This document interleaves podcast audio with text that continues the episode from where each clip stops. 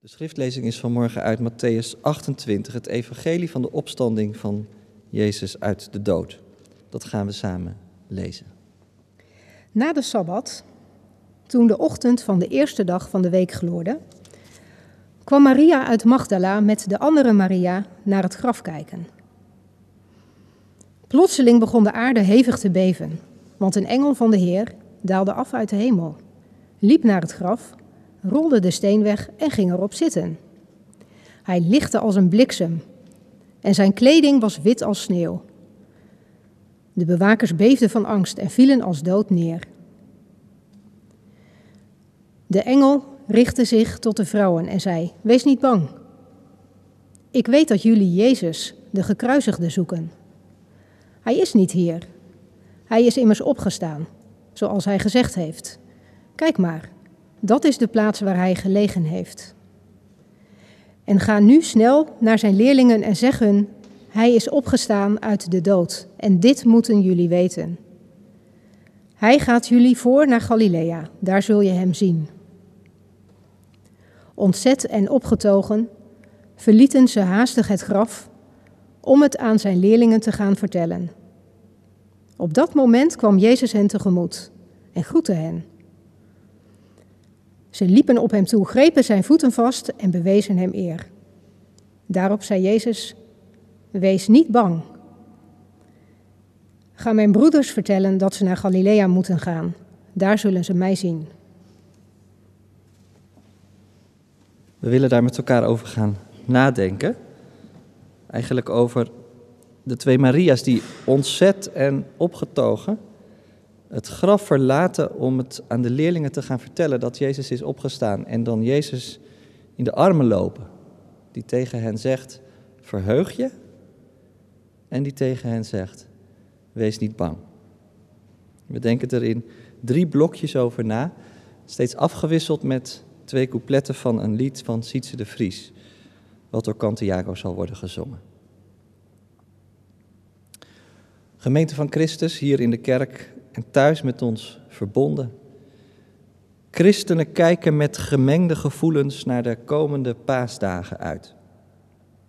Ik las het deze week ergens op internet en je denkt misschien daar kan ik me alles bij voorstellen. Pasen is immers het feest van de opstanding. Het feest van de ultieme bevrijding uit de macht van de dood en de chaos. En kijk hoe we erbij zitten. Als wereld, als stad, als kerk. Pasen 2020 zou wel eens onvergetelijk kunnen worden, omdat het jarenlang niet zo sober werd gevierd. Wat onbestemd gevoel in plaats van een vrolijk Pasen. Gemengde gevoelens dus, zoals ik in dat artikel las. Maar, en dat is wel even belangrijk, dat artikel bleek bijna een jaar oud. Ik las het op de website van Open Doors. En het ging als volgt verder. Vervolgde christenen hopen wereldwijd op een mooi feest. Om de opstanding van Jezus uit de dood te vieren. Maar juist tijdens feestdagen als Pasen en Kerst is er de voortdurende angst voor aanslagen. En helaas weten wij als late lezers van dat artikel maar al te goed dat het dat bewuste paasweekend opnieuw mis zou gaan. Op eerste paasdag 2019 werd Sri Lanka getroffen door acht aanslagen, waaronder in drie christelijke kerken en tientallen gelovigen vonden die zondag de dood. Soms is het goed om even uit te zoomen, misschien wel juist in crisistijd. De wereld reikt verder dan onze eigen huiskamer en onze eigen lockdown. En het is niet de eerste keer dat de wereld in een crisis verkeert. De loop van de geschiedenis laat zich nu eenmaal niet voorspellen. Maar in dat alles staat één ding vast. En dat is dat we op de eerste zondag na de eerste volle maan in de lente Pasen vieren. Een hoogtijdag in de kerk. En zo heeft die dag iets tijdloos. Het gaat gewoon door jaar in, jaar uit. En dan mag je even uitzoomen en loskomen van de dagelijkse sores om de diepte van het evangelie opnieuw te proeven en te peilen. en de hoop van Pasen opnieuw te ontdekken. Deze hoop dat de vreugde het wint van de vrees. Maria van Magdala en de andere Maria zijn onderweg naar het graf. Op de ochtend van de eerste dag in de week. Na de Sabbat dus. En de Sabbat is in het ritme van de week eigenlijk altijd een moment van rust, een pas op de plaats, een markeringsmoment. Om terug te kijken wat er allemaal gebeurd is en misschien vooruit te kijken naar wat er allemaal staat te gebeuren. Voor die twee vrouwen was het een week geweest om nooit te vergeten. Achter hen lag het drama van Jezus lijden en sterven. Ze waren er tot op het laatste moment bij geweest. We hadden gezien hoe Jezus aan een kruis de geest had gegeven, hoe zijn lichaam van het kruis was afgehaald en in een graf gelegd. Zij waren met z'n tweeën nog even blijven zitten, nadat iedereen al vertrokken was. Was dat dan het definitieve einde? Hebben ze gedacht toen ze naar huis liepen? Ik stel me voor dat ze zich door en doods hebben gevoeld, verlamd en levenloos. Maar ze gaan na de sabbat toch weer op weg. Om naar het graf te kijken, staat er letterlijk. Om de dood oog in oog te komen. Eeuwen eerder had de profeet Ezekiel hetzelfde gedaan. In een bekend visioen was hij oog in oog komen te staan met de dood, met een heel dal vol met doodsbeenderen. Hij moest er omheen lopen om te zien dat ze helemaal uitgedroogd waren. Dat wordt nooit meer wat, zou je denken. Maar dan gebeurt er iets heel verrassends, want God vraagt aan Ezekiel of die beenderen ooit nog tot leven kunnen komen.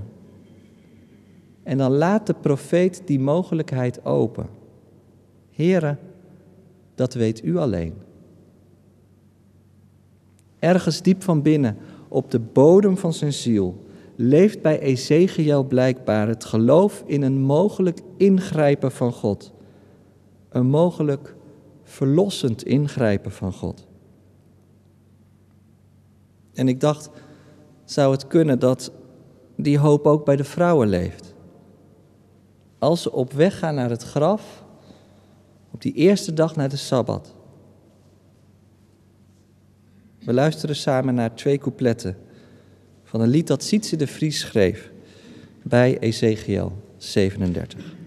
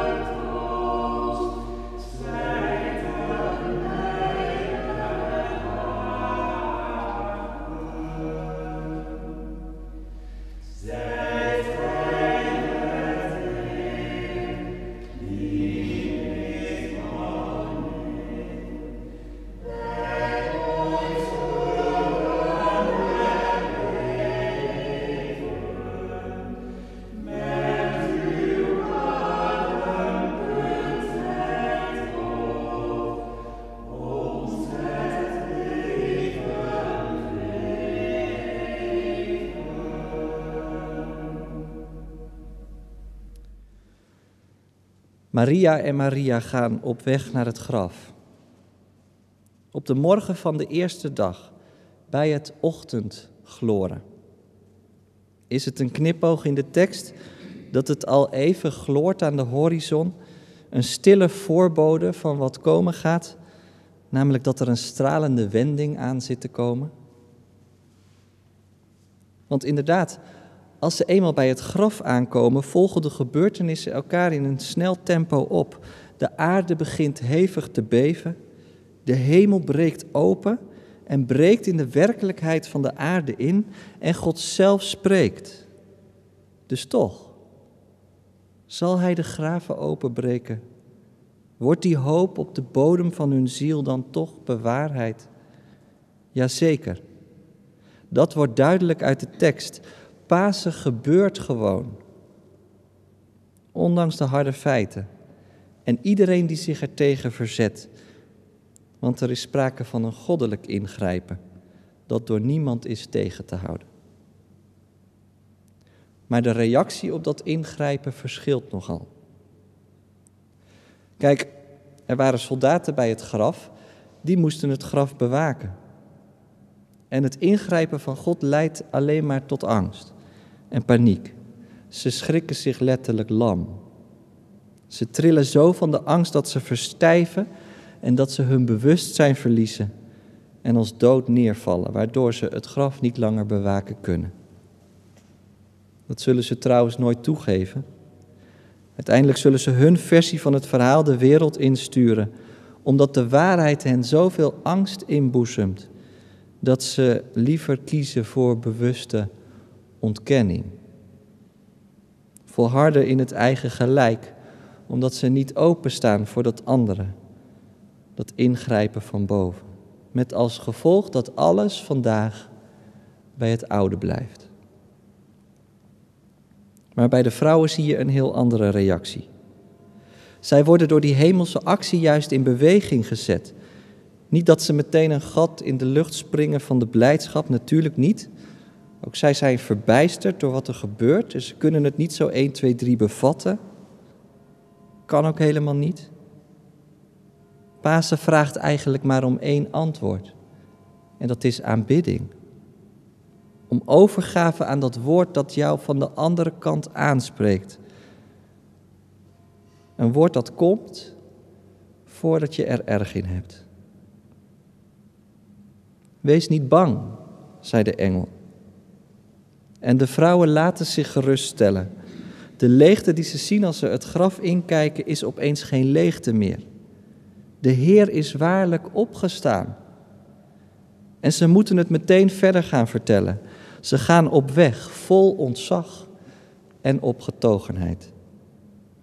Vrees en vreugde, daar heb je die gemengde gevoelens die op een of andere manier altijd bij Pasen horen.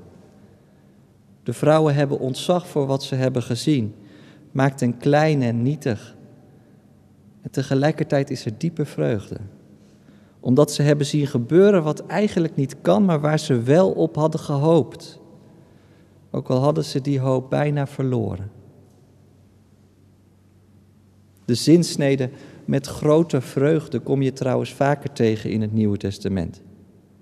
Helemaal aan het begin al. En steeds houdt die vreugde verband met Jezus. Neem de magiërs uit het oosten. Toen ze het kind zagen, werden ze vervuld met een diepe vreugde. Of wat dacht je van de herders in de velden van Bethlehem? De engel vertelt het hen, ik kom jullie groot nieuws brengen. Dat het hele volk met vreugde zal vervullen. En veel later, als Paulus en Barnabas terugkomen van een zendingsreis, vertellen ze uitvoerig over de bekering van de heidenen. Iets dat bij iedereen grote vreugde opwekt. Toen ik die teksten zo eens naast elkaar legde, viel me iets op, heel opvallend eigenlijk.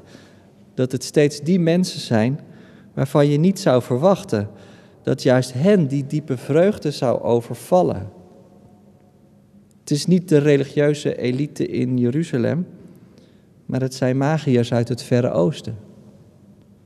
Het zijn niet de notabelen in Bethlehem, maar het volk, inclusief de ongeschoolde herders uit de velden.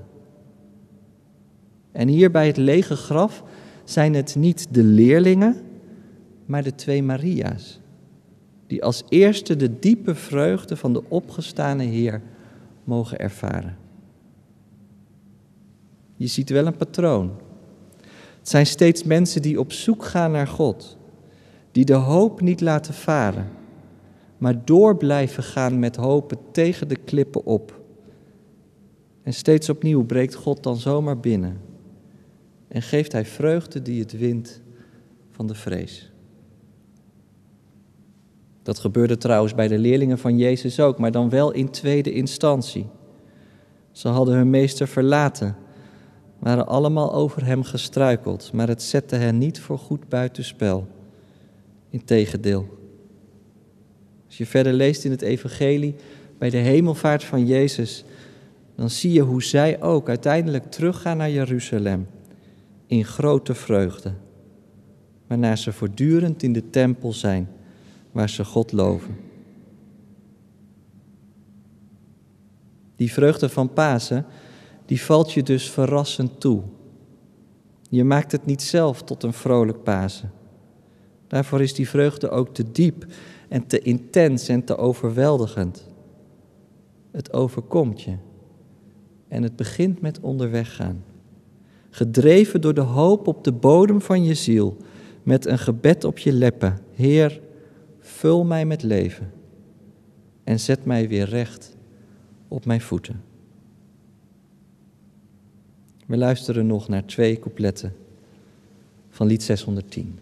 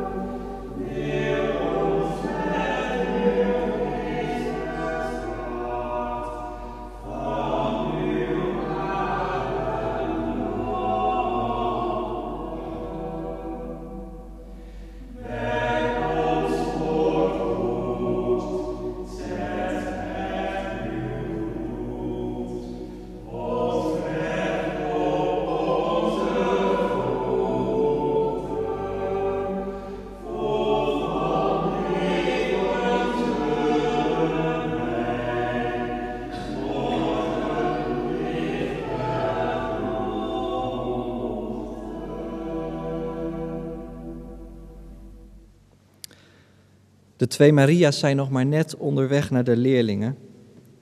Of ze lopen Jezus zelf recht in de armen. En hij zegt twee dingen. Verheug je en wees niet bang. Zowel de vrees als de vreugde worden door hem herkend en erkend. En de vrouwen herkennen Jezus ook meteen. Geen spoor van twijfel, dit is hem.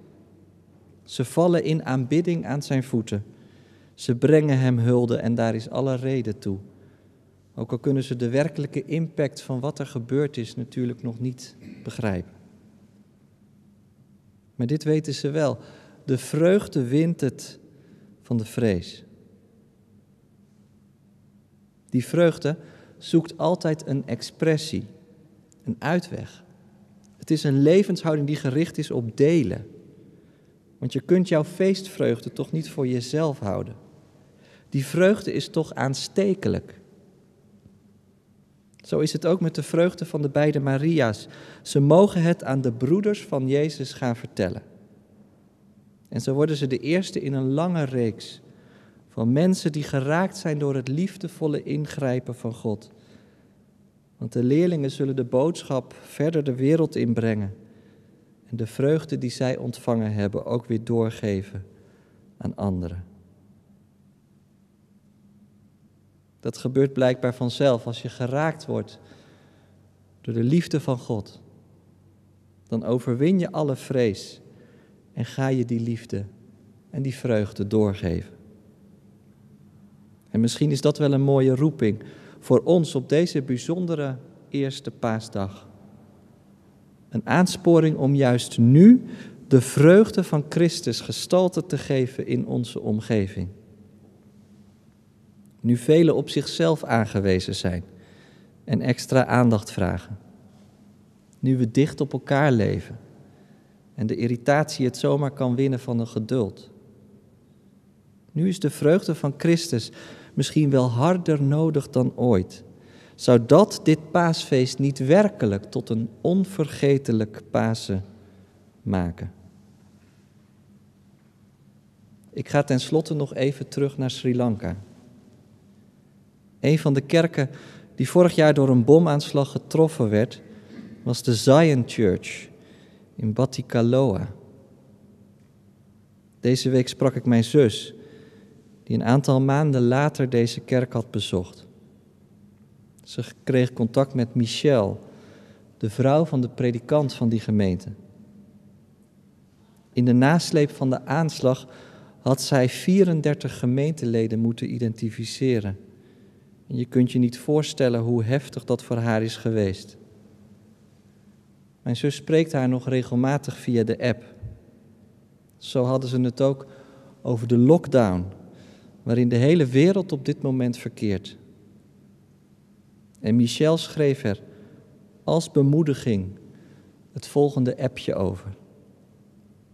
Leef vanuit het geloof, mijn lieve zuster. Als je gestorven bent met Christus, dan ben je ook met Hem opgestaan in een nieuw leven. Dan leeft Hij in jou en kan geen plaag je werkelijk raken. Dat is nu Pasen. Elkaar bemoedigen met deze woorden. Wees niet bang en verheug je, want de Heer is waarlijk opgestaan. Amen.